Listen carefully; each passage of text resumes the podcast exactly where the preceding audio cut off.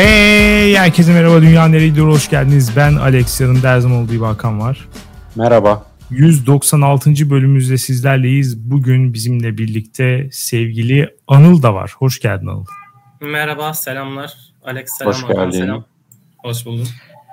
Ee, geçtiğimiz haftanın konusu aşık olma yetisi idi. Dünyayı iyiye götürüyor çıkmış %66 ile hala insanların üçte ikisi e, aşka inanıyor. Aşka inançlarını yitirmemişler.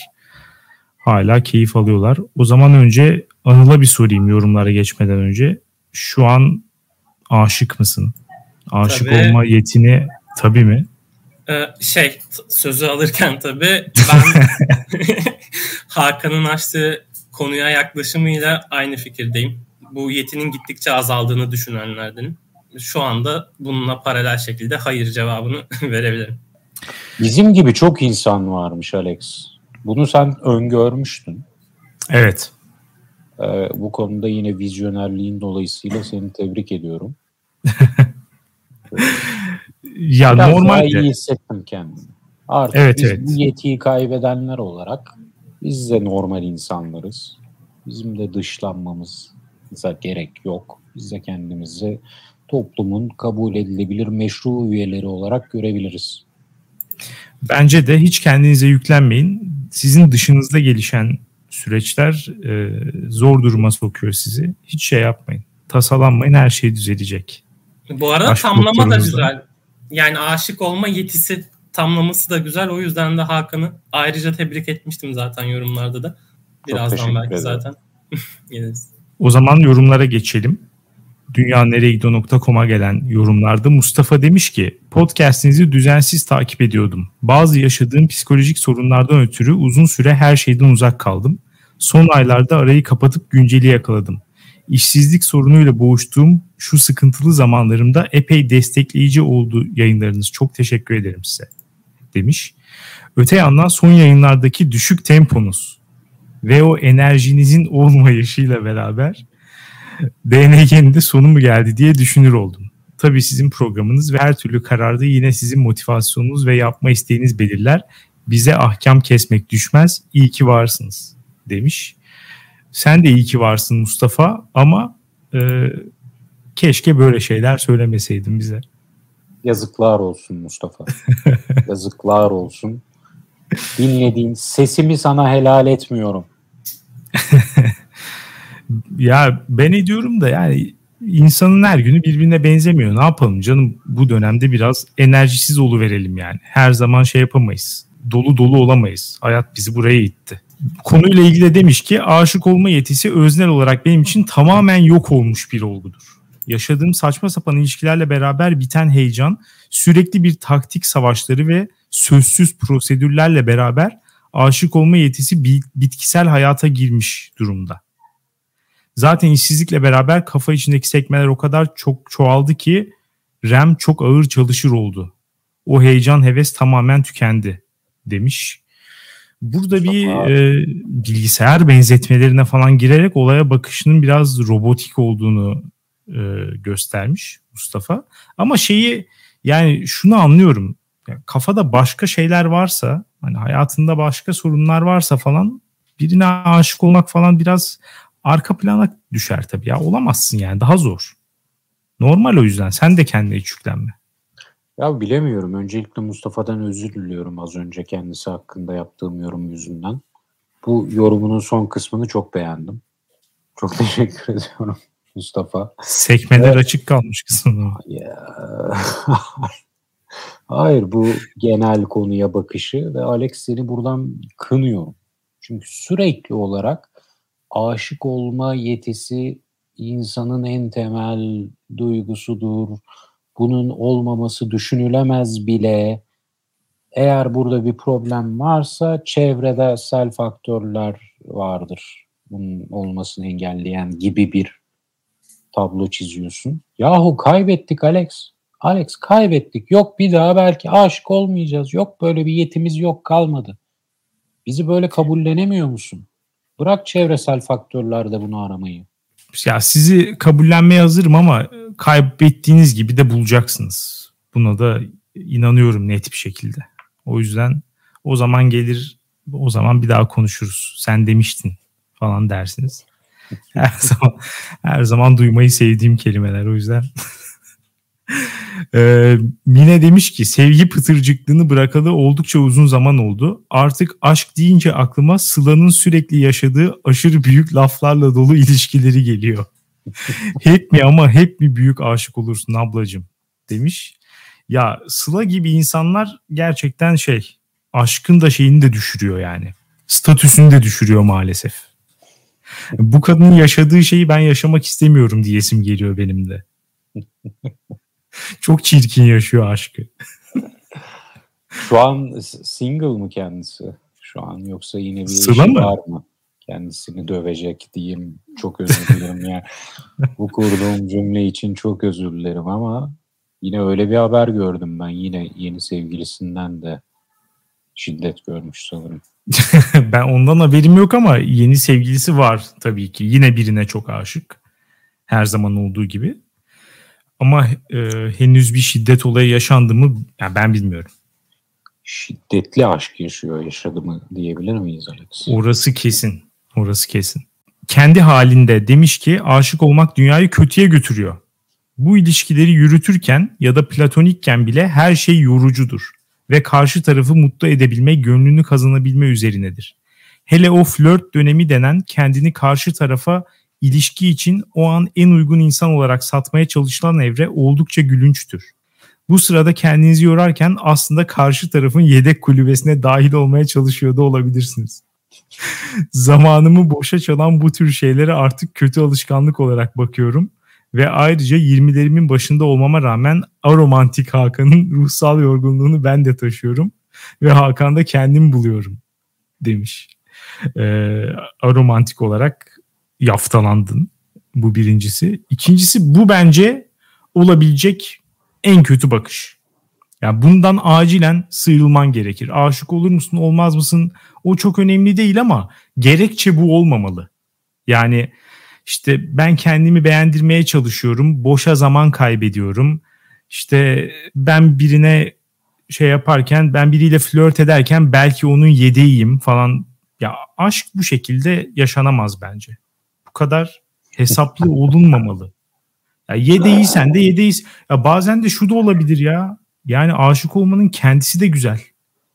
Onun evet, yediği olsan da güzel bazen yani. O, o ilk flört kısımları falan benim hoşuma gidiyor işin doğrusu. Fakat sonrasında o aşka geçiş o ayrı bir problem. Orada artık bir yetenek gerekiyor. O yok. Ama o tatlı heyecanları bile yok saymış. O konuda sana katılıyorum Alex. Fakat yedek kulübesinde oturmaktan bıktık. Biz de sahayı terk ettik. Bunu artık kabul et Alex. Biz ya, bu oyunda yokuz. Tamam canım ona da saygı duyuyorum da gerekçe bence bu olmamalı hiçbir zaman. Yani hissetmiyorsan hissetmiyorsundur o ayrı. Ama kendini çekmek yanlış bu gerekçeyle. Sera demiş ki hayatta o kadar ağır şeyler var ki aşk çok hafifletici bir duygu benim için demiş. Yani yapılan en iyi yorum bence. Ama gelin görün ki uzun süredir 4 yıldır bir ilişkim dahi yok. Çünkü aramıyorum, istemiyorum hem hayat gailesi hem de ülkenin hali çok büyük bir etken olduğunu düşünüyorum. Hatta bırakın aşkı ilişkiyi bir hoşlanma beğenme durumum bile yok. Ki ben asıl flört kısmına bayılırım aslında demiş. Aşk doktoru Alex ne olacak bizim bu halimiz? Bir çare bulursan sen bulursun demiş. Çok doğru yani bu da oldukça doğru bir yorum. Gerçekten ben bulurum çare bulursam. Ve çareyi buldum çok sevdiğin, bayıldığın flört kısmını sürekli olarak e, pratik etmen lazım. Flörtten kaçmayarak yani şeyse bile çok hoşlanmasan bile o kişiyle yine de flört etmen lazım. Bu bence çok önemli. Sürekli olarak o duyguyu yaşamak önemli bir şey. Uzak kalmamak gerekiyor. Katılıyorum. Evet. Bir de şu ülkenin halinden dolayı aşık olamıyorum kısmı bana biraz radikal bir söylem gibi geldi. Bilmiyorum katılır mısın Alex? Ülke bu haldeyken aşık nasıl olacağım gibi bir şeyi ben kimsenin samimiyetle yaşadığına inanmıyorum. Yani e, Taliban Afganistan'ı işgal ederken flört edecek halimiz yok. Enflasyon %19'a varmış. Aşık mı olacağız? Nasıl ben nasıl aşık oluyorum? Faiz Ya bir- ya biraz bir miktar düşürdüğü kesinlikle gerçek ama bu kadar da tabii buna endekslememek lazım kendini de yani. Eğer öyle bir şey yapıyorsa da e, yapmasın ya. Bu kadar birebir gitmesin yani hayatımız, özel hayatımız. Muhakkak etkileniyoruz ama bu kadar olmamalı. Simi demiş ki yani ben ne kadar aşığım bu podcast bile biliyor. Hala yolumdayım. Hala dönmüyorum ama Hakancığım bana masalımı atmış zaten. Demiş. Geceleri sesiyle uyuyorum. Daha da olmazsa Hakan'a yürüyeceğim. Nedir yani bir çıtır yakışmaz mı koluna be adam demiş. Ee, hangi masalı tercih ettin Hakan? Oldukça merak ettim bu şeyi. Hmm. Sence hangisi bir tahminin var mı? Hiçbir fikrim yok. Yani masal dünyasından da uzak kaldım. Anıl'ın belki bir tahmini vardır. Yok ben de çok jenerik ilk akla gelecek masallar geliyor yani. Nedir? Kırmızı başlıklı kız mı Ee, mesela? e, aynen kırmızı başlıklı kız, pamuk prenses ve yedi cüceler. Evet. Benim okuduğum masal e, bu kurbağayı öpen prenses. Kurbağayı, Kurbağayı öpüyor öpen- ve kurbağa prense dönüşüyor. Bu Bunun tam tersi değil olamazsınız ya. Ha öyle. Ha doğru tamam tamam. Evet evet tamam. Şimdi anladım hangisi olduğunu.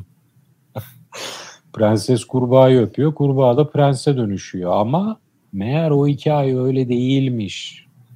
O kaydı yapmadan önce yarım saat oturdum bu hikayenin başlangıcını falan araştırmaya başladım. Meğerse kurbağayı alıp duvara fırlatıyormuş da prense dönüşüyormuş kurbağa. Ama neyse bu detaylarda boğmayayım sizi. Simi'ye çok teşekkür ederim. Ayrıca doğru Simi'ye attığım için de memnun oldum. Yoksa Türk hukuk tarihinin ilginç taciz vakalarından. Taciz Evet. eee, ne denir ona? Mahkemelerinden birini yaşardık. Birine anonim okuduğum masalı gönderdiğim için. Bunu yaşadığım, yaşamadığımız için mutluyum. Umarım Açıkçası beğenmişimdir ismi. Sözümü tuttum. Görüyorsun Alex. Söz verdim mi tutuyorum. Bizde evet, söz, söz namustur.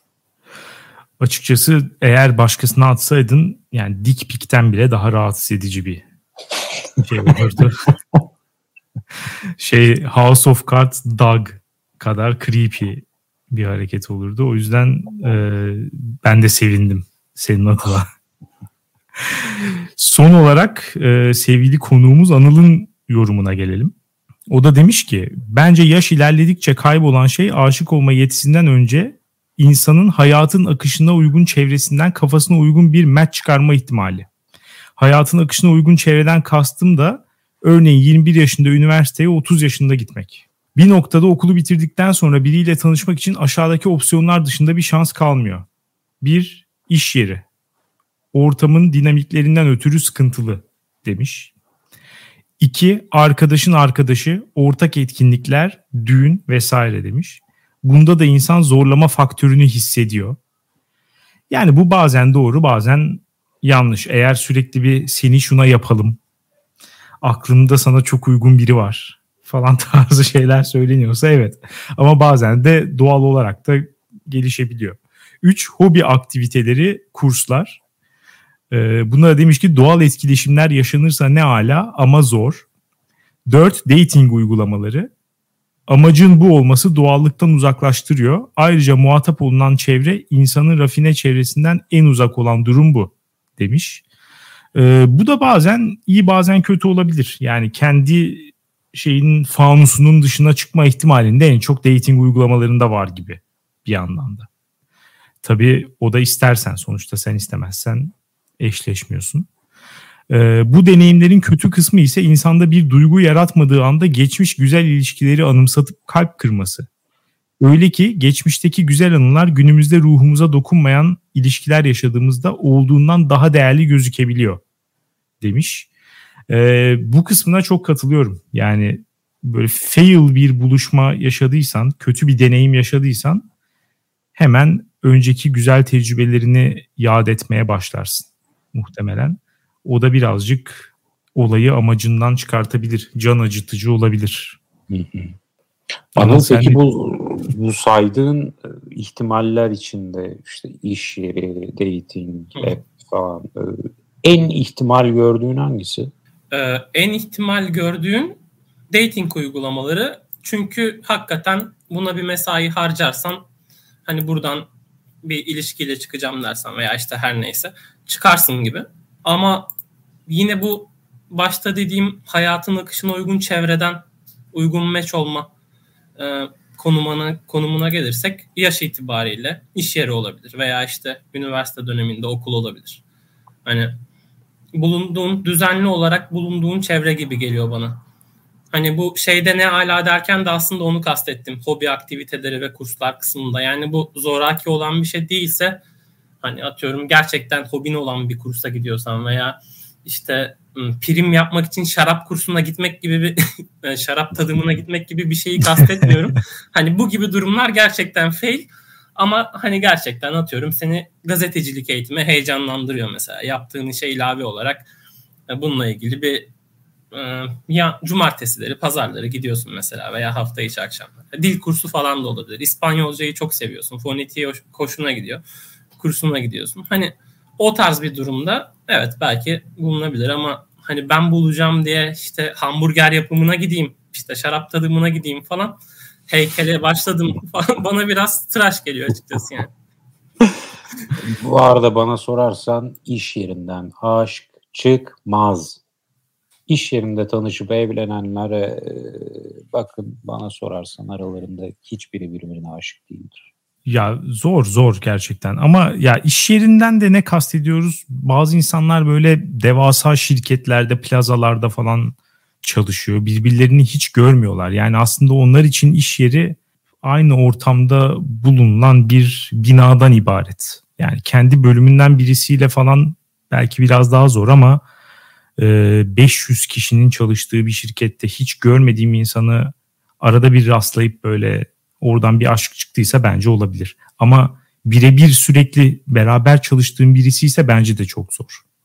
Evet. Bir de şeyi ekleyebilirim belki.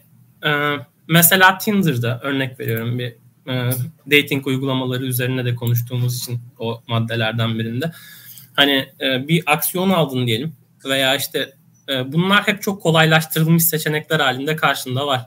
Yani e, trigger eden eylemi yaptığında bunun bir aslında trade-off'u yok. Yani karşında olumsuz bir sonuçla karşılaştığında sana bir zararı olmuyor. Hani meçi kaldırıyorsun, hayatına devam ediyorsun. Hakan iş yerinden çıkmaz derken belki buna bağlayabilirim. Hani sosyal dinamiklerden ötürü sıkıntılı derken de bunu kastediyordum. Yani bu tarz bir girişimde bulunduğunda, karşı taraftan olumsuz yanıt aldığında kesinlikle sıkıntı aynısı kadınlar için de geçerli tabii. İş yerini üreme kabına döndürmeyin. evet o tarz o ayrı bir boyutu. Mesela profesyonel olmamakla da suçlanabilirsin. İşte buraya bunun için mi geldin falan gibisinden. buraya bunun için mi geldin? hani iş yerinde kovalayan boş boş adamdır falan gibi bir yere bağlanabilir. İK'dan arıyorlar. Buraya bunun için mi geldiniz? Biz kuşağı yorumu yaptık. evet, e, isterseniz bu haftanın konusuna geçelim bu haftanın konusu dövme. Dövme yaptırmak. Dövmeler dünyayı nereye götürüyor? Öncelikle şu soruyu da başlayayım. Önce şu beyanla başlayayım. Benim hiç dövmem yok. Ee, geldiğim gibi, dünyaya geldiğim gibi. Şu an aynı vücutla devam ediyorum. Ee, aramızda dövmesi olan var mı? Yani Hakan'ın en özel bölgeleri hariç her yerini e, gördüm. Onda yok gibi gözüküyor. Çok büyük bir sürpriz çıkmazsa şu an yok onda herhalde. Ama Anıl'ı hiç bilmiyorum. Şu an suratında olmadığını görebiliyorum sadece. Evet bende de dövme. Hiç bir çocuk... hayatının bir noktasında yaptırmayı düşündün mü peki? Düşünmedim. Yani bunun için sanırım bir dövme görüp spesifik olarak bir şey görüp çok beğenmem gerekir. Genel olarak hani konsept üzerinden düşündüğümüzde muhtemelen yaptırmam diye düşünebilirim. Ama çocukken şey olurdu ya bir sakız alırsın mesela içinde uyduruk bir dövme olur. İşte onu bir gün üzerinde tam baskılı kalacak şekilde falan o tarz vardı. Ben ona bir kere heves etmiştim. Onda da anneannem o kanser yapar falan dediği için yapıştırmadım koluma. Ee, ve o günde hayatımdaki tek dövme sahibi olma fırsatını kaçırdım. Bir daha da yaptıracağımı düşünmüyorum. Zaten anneannen e, bu bunu söyleyerek e, senin hayatın boyunca dövme yaptırma ihtimalini orada öldürmüş. evet. Ama Anıl şu dediğin ilginç. Dedin ya çok güzel bir dövme modeli görüp çok beğenirsem yaptırırım. Ya bunu ben anlayamıyorum.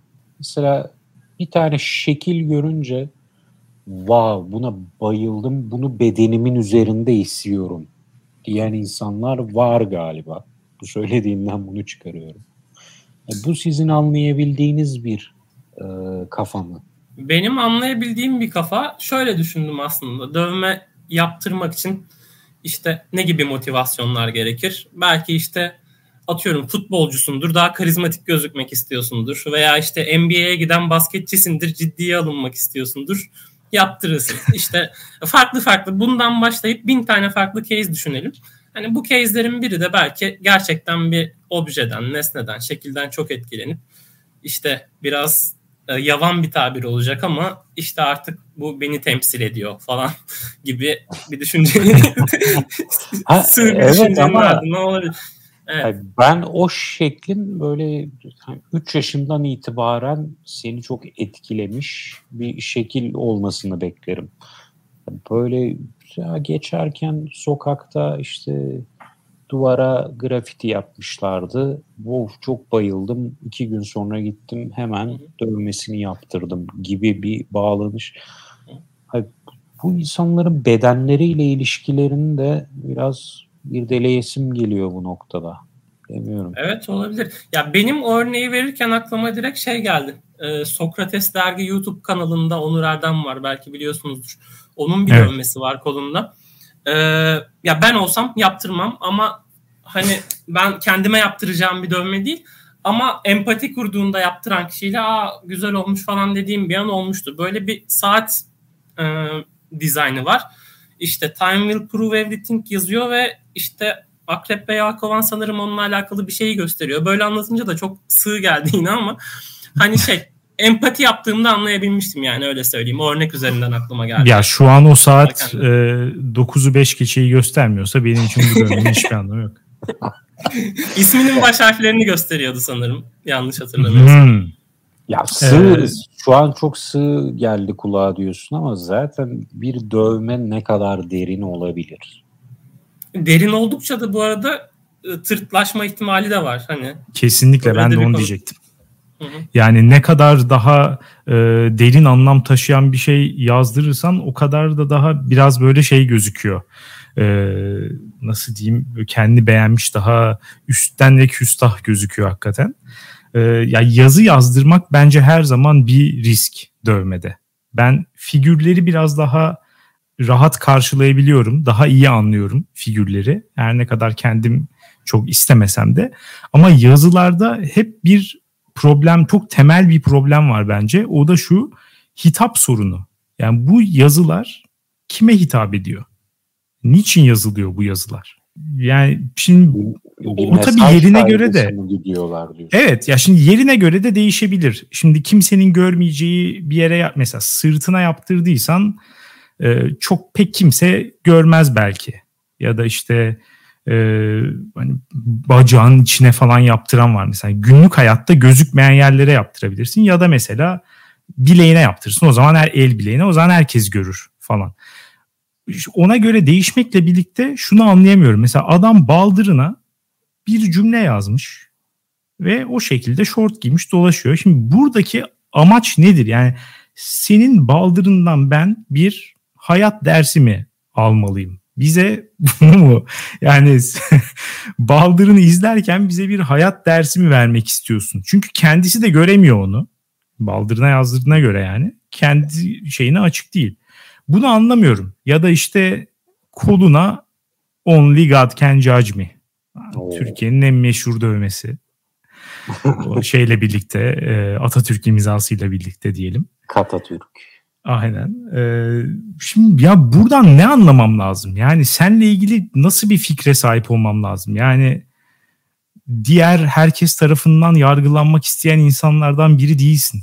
Bunu mu anlamam Yani bu, bu şeyi anlayamıyorum. Buradaki hitap problemi bence çok büyük bir sorun. Öteki türlü de mesela hani kimsenin göremeyeceği bir yere dövme yaptıranlar var. Hani ben bunu kendim için yaptırdım diyen insanlar var. Onlarda da şunu anlamıyorum. Yani çok daha efektif yöntemler var dövmedense.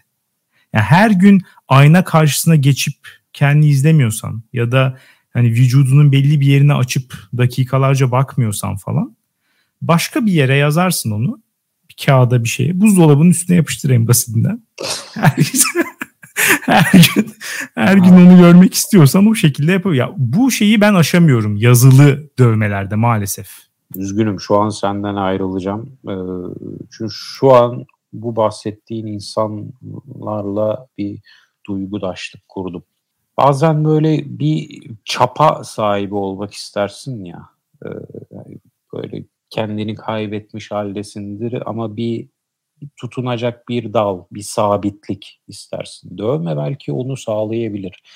Görmediğin bir yerinde bile olsa dövme, onun orada olması ve onun hiç değişmeyecek bir biçimde orada e, durması seni iyi hissettirebilir. Ben şu an o insanlarla duygudaşlık kurdum. Zaten... Bana bu tam tersi kötü hissettiriyor bu arada. Yani fikri bile hani olmamasına rağmen kötü hissediyorum. Orada değişmeyen bir şeyin olması. Yani şey çok zor geliyor bana. Ee, bugün beğendiğim bir işte şiirin, şarkı sözünün, herhangi bir değiş, mantra, hayat anlayışının falan sabit bir şekilde benimle beraber hareket edeceği düşüncesi zaten bana boğucu geliyor açıkçası. Yani o, onun kal yani benim üstümde olmasını asla istemem. Ne olursa olsun yani 30 senedir hiç değişmeyen bir şey bile olsa ya da dünyanın en basit düşüncesi bile olsa onunla beraber gezmek istemem yani. Hepsinin değişebileceği düşüncesi benim için çok daha ferahlatıcı. Bu arada pardon Hakan bu tam da bu motivasyonla dövme yaptıran insanlar olduğunu da düşünüyorum. Hani e, bunun silinmeyecek olması işte ben bunu göze aldım işte bu dövmesini yaptırdığım içeriye o kadar bağlıyım. İşte örnek veriyorum yine ilk aklıma gelen spor örneği olacak. Felipe Melo'nun dört yıldız dövmesi yaptırması mesela. Veya işte e, birinin ailesinin adını kazıması, işte şey ailesinin isminin dövmesini yaptırması, ailesinden üyelerin kızının. Yani genellikle aslında e, etrafa bu mesajı vermek için reaktif bir bağlamda kullanılıyor da olabilir gibi geliyor bana. Senin oraya gelecektim ben de. evet, oraya gelecektim ben de. Benim en anlayabildiğim dövme stili bu tarz böyle anı içeren dövmeler. Yani işte az önce Anıl'ın bahsettiği hepsi o kategoriye girer bence. Hayatının büyük bir anı olabilir. İşte bir aile üyesi, sevdiğin bir insan, işte beraber yaşadığın bir hayvan falan hepsini katıyorum bunun için. Bunların hepsi bence bana en e, normal ve yapılası gelen dövme çeşidi. Ya çünkü bu sonuçta hayatını geri alamazsın yani. Onları yaşadın. Onu dövme olarak yaptırdın mı bundan rahatsız olma ihtimalim benim çok düşük. Şey hariç tabii. İşte e, biriyle evlendin hemen göğsüne adını dövme yaptırdın kalbinin üstüne. İki sene sonra boşandın dövmeciye gidip sildiriyorsun tabii falan. Yani benzer bir case var mesela. ne gibi? Yani bu sildirme olayı ama yaklaşık iki günlük bir yaşanmışlığı takiben bir arkadaşım dövme yaptırmıştı ve ardından silmek zorunda kaldım. Yani şu an hala duruyor da olabilir. Bilmiyorum son görüştüğümde.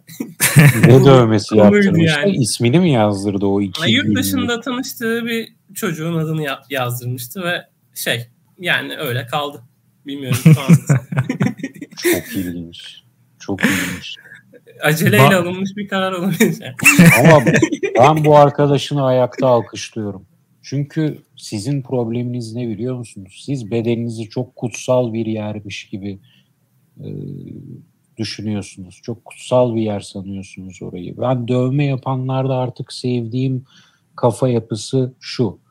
Beden tamam bu benim yazarım, silerim. Bu dünyanın içinde var olan bir şey bu beden. Böyle yüce bir şey, değişmez bir şeyi asla ona konduramam. Ferah kalsın isterim falan böyle bir şey yok. Bedenlerinde gayet ayakları, kolları gibi tenlerini de öyle görüyorlar ve dünya ile etkileşim içindeler. Buradan tüm dövmeli insanları ayakta alkışlıyorum. Artık bizim de bu kafa yapısına gelmemiz lazım. Artık gitgide dövmeli insanları seviyorum, destekliyorum ve aşırı seksi buluyorum ne yalan söyleyeyim. Ya o dövmesine göre değişir bence canım. Bazıları iyi gözüküyor, bazıları kötü gözüküyor yani. Bu bu kadar geniş bir kategorizasyon ne bileyim kol, o ada koluna canısı yazdıran adam da var yani. Bu dövme seksi gösteriyor mu şimdi? ya şimdi bunu katmıyorum tabii ki.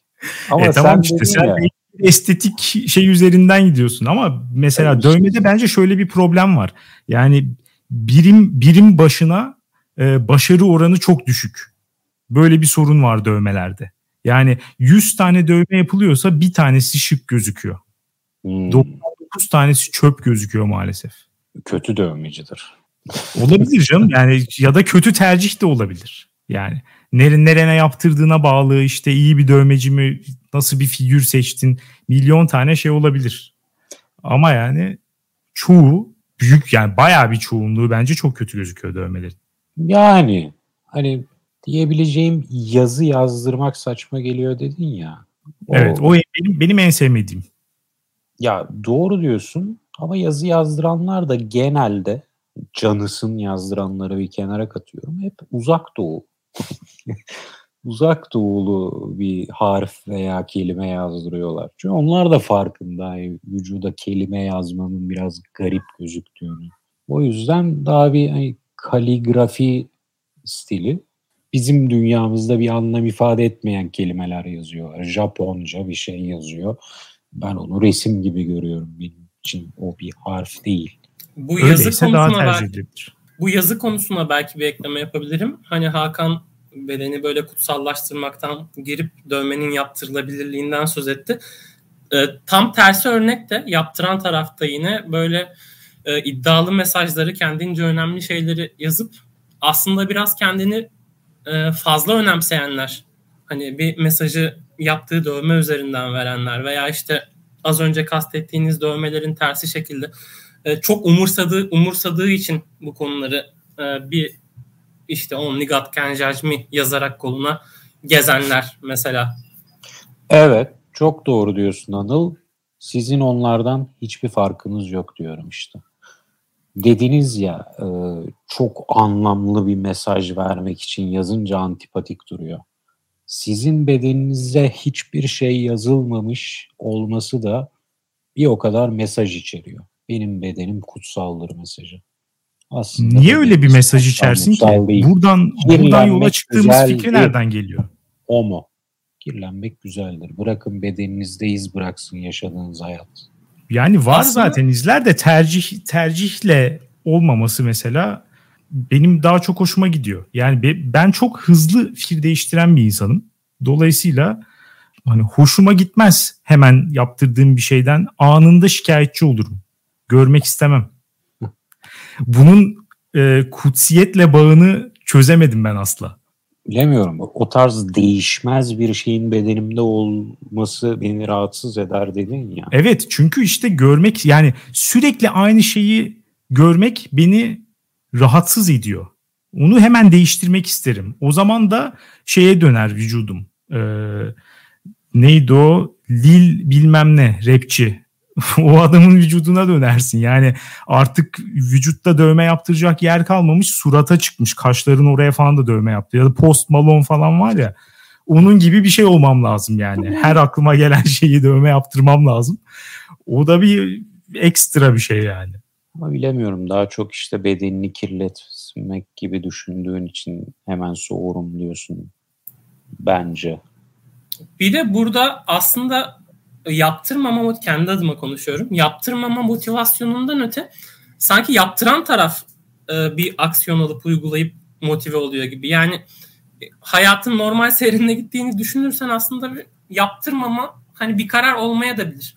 Hani e, özellikle bunun üzerine düşünmemişsindir veya işte e, özellikle ben dövme yaptırmayacağım diye değil e, varsayılan bu olduğu için hani bir Hı. eylemsizlik gibi bir şekilde hani çok radikal olmayan bir yaklaşımla da yaptırmayabilirsin. Anlıyorum. Anlıyorum Hı. ama bu eylemsizliğin altında da bedeni kutsama var diyorum ben. Çünkü artık dövme diye bir şey var dünyada. Bu bir trend. Etrafta artık dövmesiz insan görmek zor. Dolayısıyla sen olduğun halde dursan bile bu bir anti dövme pozisyonuna dönüşüyor. E, eylemsizliğin de bir duruş ifade ediyor.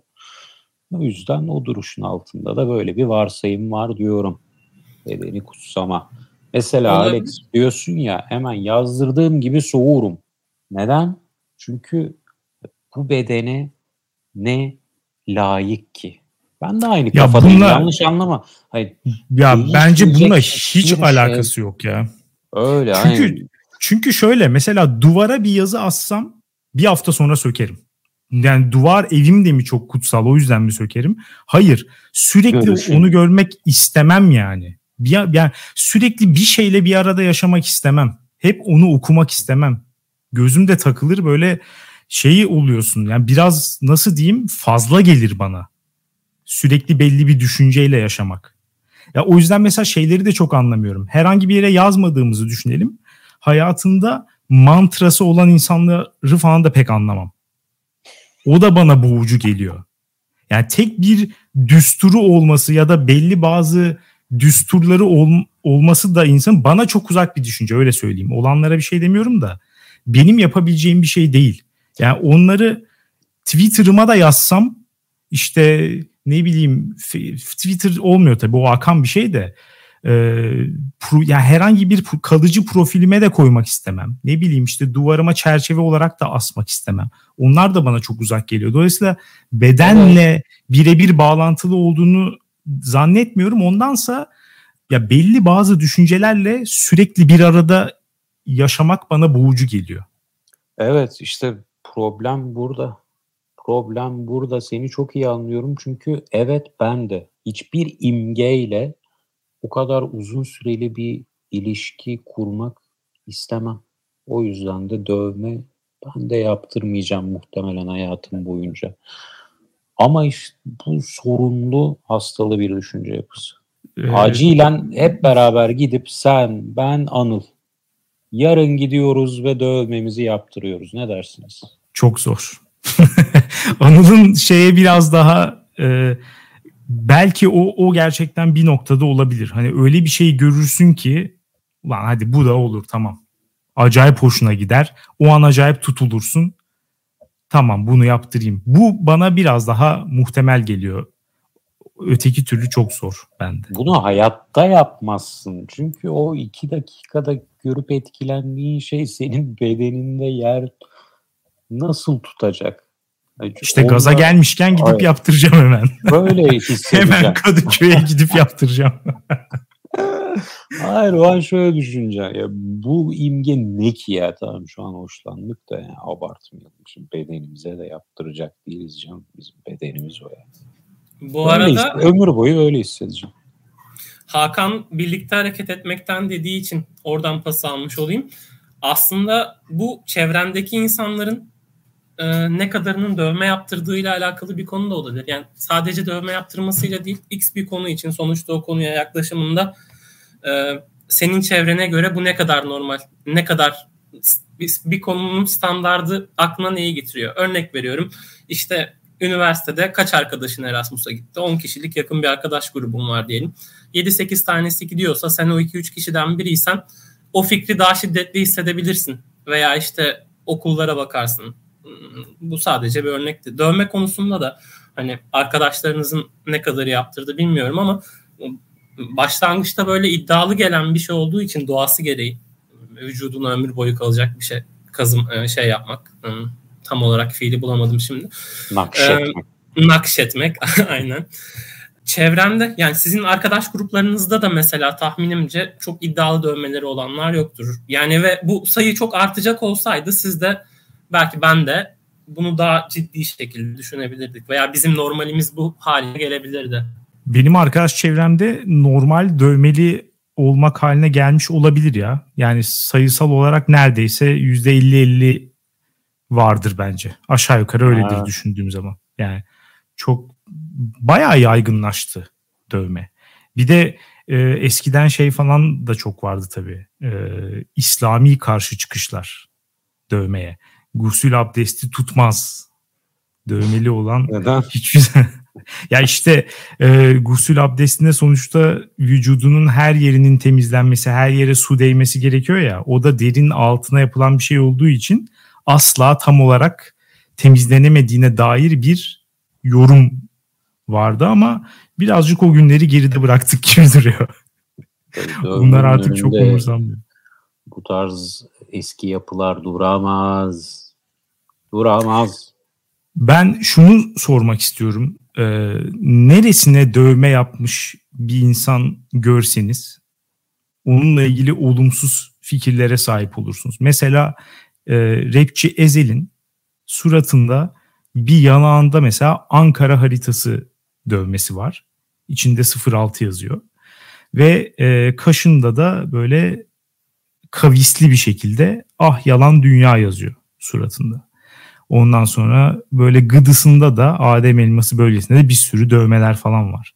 Mesela bu mu daha çok rahatsız eder sizi? Yoksa yani genel söyleyeyim vücudun neresinde bir dövme görmekten hoşlanmıyorsunuz? Ne dersin Anıl? Ee, ben şöyle diyebilirim. Yani rapçi Ezel dedim mesela. Yani bu suratına dövme yaptırmış biriyle atıyorum iş yerinde karşılaşsan yadırgarsın ama adam rapçi. Hani baktığın zaman biraz yaptığı işte de e, yani rapçiysen bu daha normal geliyor. Yani e, ama vereceğim cevap ilk soruna dönecek olursam neresine dövme yaptıran biri sana o normal gelir. Yani muhtemelen otursam 20 dakika 30 dakika randımanlı konuşamam. Çıkarımını yapacağım kişi herhalde çok radikal suratına yine e, çene altı e, boynuna olabilir. Hani böyle belli şey vardı bir tane. Gibi. Alnına enayi diye dövme yaptıran bir adam vardı mesela. Haberlere yani bu adamla gerçekten 20 dakika konuşma ihtimalin Real Muhtar değilsen yok yani. Hakan sen ne diyorsun? Ben göğüs derim herhalde. Göğüs dövmeleri hmm, hep bir çok göze batıyor. Öyle geliyor. Ya kadın erkek fark etmez. Orada bilmiyorum. Erkekte bir de böyle bayağı da büyük oluyor. Haritamsı böyle artık böyle sağ göğüsten başlayıp sola kadar uzanan falan böyle devasa dövmeler oluyor. Göğüs hmm. dövmeleri. Küçüğü de bir garip duruyor. Büyüğü de bir garip duruyor. Evet. Yani göğüslerimizi mümkün mertebe doğal halleriyle sürdürmek daha olumlu diye düşünüyorum. Bir de erkekte göğüs dövmesi fit olma zorunluluğunu beraberinde getiriyor olabilir. Hani göğsüne bir dövme yaptığını düşün ve kilo aldın, meme çıktı falan hani iğrenç bir şeye dönüşebilir adam. evet. Bak dövmenin küresel e, dalga olarak dünyayı ele geçirmesinin önündeki en büyük engel muhtemelen kıllı erkekler. Çünkü kılı şey yapman lazım değil mi? Tıraş etmen lazım. Yoksa ya da e, evet lazer falan yaptırıyorlar genelde. Artık bir yer gar- garantili olduğu için önce oraya lazer yaptırıyor, ondan sonra dövme yaptırıyor. Evet, o... Zahmetli. ya zor bak. Cidden böyle düşününce şeye gidiyor aklım. Mesela şimdi İbo, İbo'yu İbrahim Tatlıses'i bir İskandinav arka planda hayal edebiliyor musun? Düşünsene onların o tatlı sevimli yünlü çorapları var ya. Ondan giymiş. İşte üstüne o yünlü hırkalardan almış. Ya İbo'la gitmiyor yani. İbo'yla gitmiyor bir imaj. Birçok Türk erkeğiyle de gitmiyor hatta. Kıllılıktan veya başka yani ne bileyim işte gitmiyor. Dövmede de öyle bir durum var kıllı erkeklere ne kadar dövme gider? Şimdi bilemiyorum. Canı sılar mı çıkar oradan? Evet onlar e, genelde tercihlerini başka yerlerden yana kullanıyorlar. İşte üst kol mesela biraz daha kılsız bir bölge. Oraya yaptırabiliyorlar. Hmm. Ya da işte e, kol Pardon içi falan. Nispeten daha kılsız yerleri seçiyorlar. Ya, evet hani bir de kıllı kıllıdan sadece canısı dövmesi çıkar gibi saçma sapan bir şey söyledim az önce. Onu demek istemedim aslında da. Yani imaj olarak biraz o uyumsuzluğu çağrıştırıyor bana. Kıllı insan dövme ve İskandinav İbo. Evet. Ee, ben de şey derim. E, bir göt üstü bel bölgesi. E, bir de ayağın üstü. Bilek falan da değil de daha aşağısı yani. Ayağın kendisi. Hmm. Bana her zaman kötü gözüküyor. Hmm. Yani oraya böyle gel nakış falan gibi şeyler yapıyorlar böyle ayağa. Bilmiyorum hiç yani daha iyisini görmedim henüz. Nerene, nerene yaptırırsın peki? Dövme yaptırsam mı? Evet. Göğsüme diyormuşum. Bilmiyorum ya. E, hiç hiçbir fikrim yok. Yani en yine makul olan herhalde el bileği, kol içi falan tarzı bölgeler olabilir. Evet bence de. Ben kol içine yaptırırım herhalde. Kol içi derken alt kol içi. Evet evet. Ötekini sergileyemeyiz zaten. Zor. Anıl çok teşekkürler geldiğin için. Ben teşekkür ederim davet ettiğiniz için. Keyifliydi. E, format yerini bulsun. Şey yapalım. Bir oylama yapalım. Dövme dövme yaptırmak, dövmeler sence dünyayı iyi mi yoksa kötüye mi götürüyor? Ben iyiye götürüyor diyeceğim ama cevap kötüye götürmediği için. Yani kötüye götürüyor diyeceğim kadar radikal bir tavrım yok dövmeye karşı o yüzden. çeşitlendirmesi de güzel. Hani çok tavır almak istediğim bir şey değil. O yüzden iyiye götürüyor diyorum. Hakan sen? Ben net bir şekilde iyiye götürüyor diyorum. Ee, ben de kendim her ne kadar çok uzak olsam da insanların dövmelerini izlemek, seyretmek falan eğlenceli. Dalga geçiyorsun. Bazıları çok nadiren güzel geliyor falan. O yüzden e, ben de iyi diyorum. Siz de dövmeniz varsa ne dövmesi olduğunu ya da gördüğünüz en garip saçma sapan dövmeyi falan dünyaneregidiyor.com'a yorum olarak yazıp anketimize katılabilirsiniz. Dinlediğiniz için teşekkür ederiz. Haftaya salı görüşürüz. Güle güle.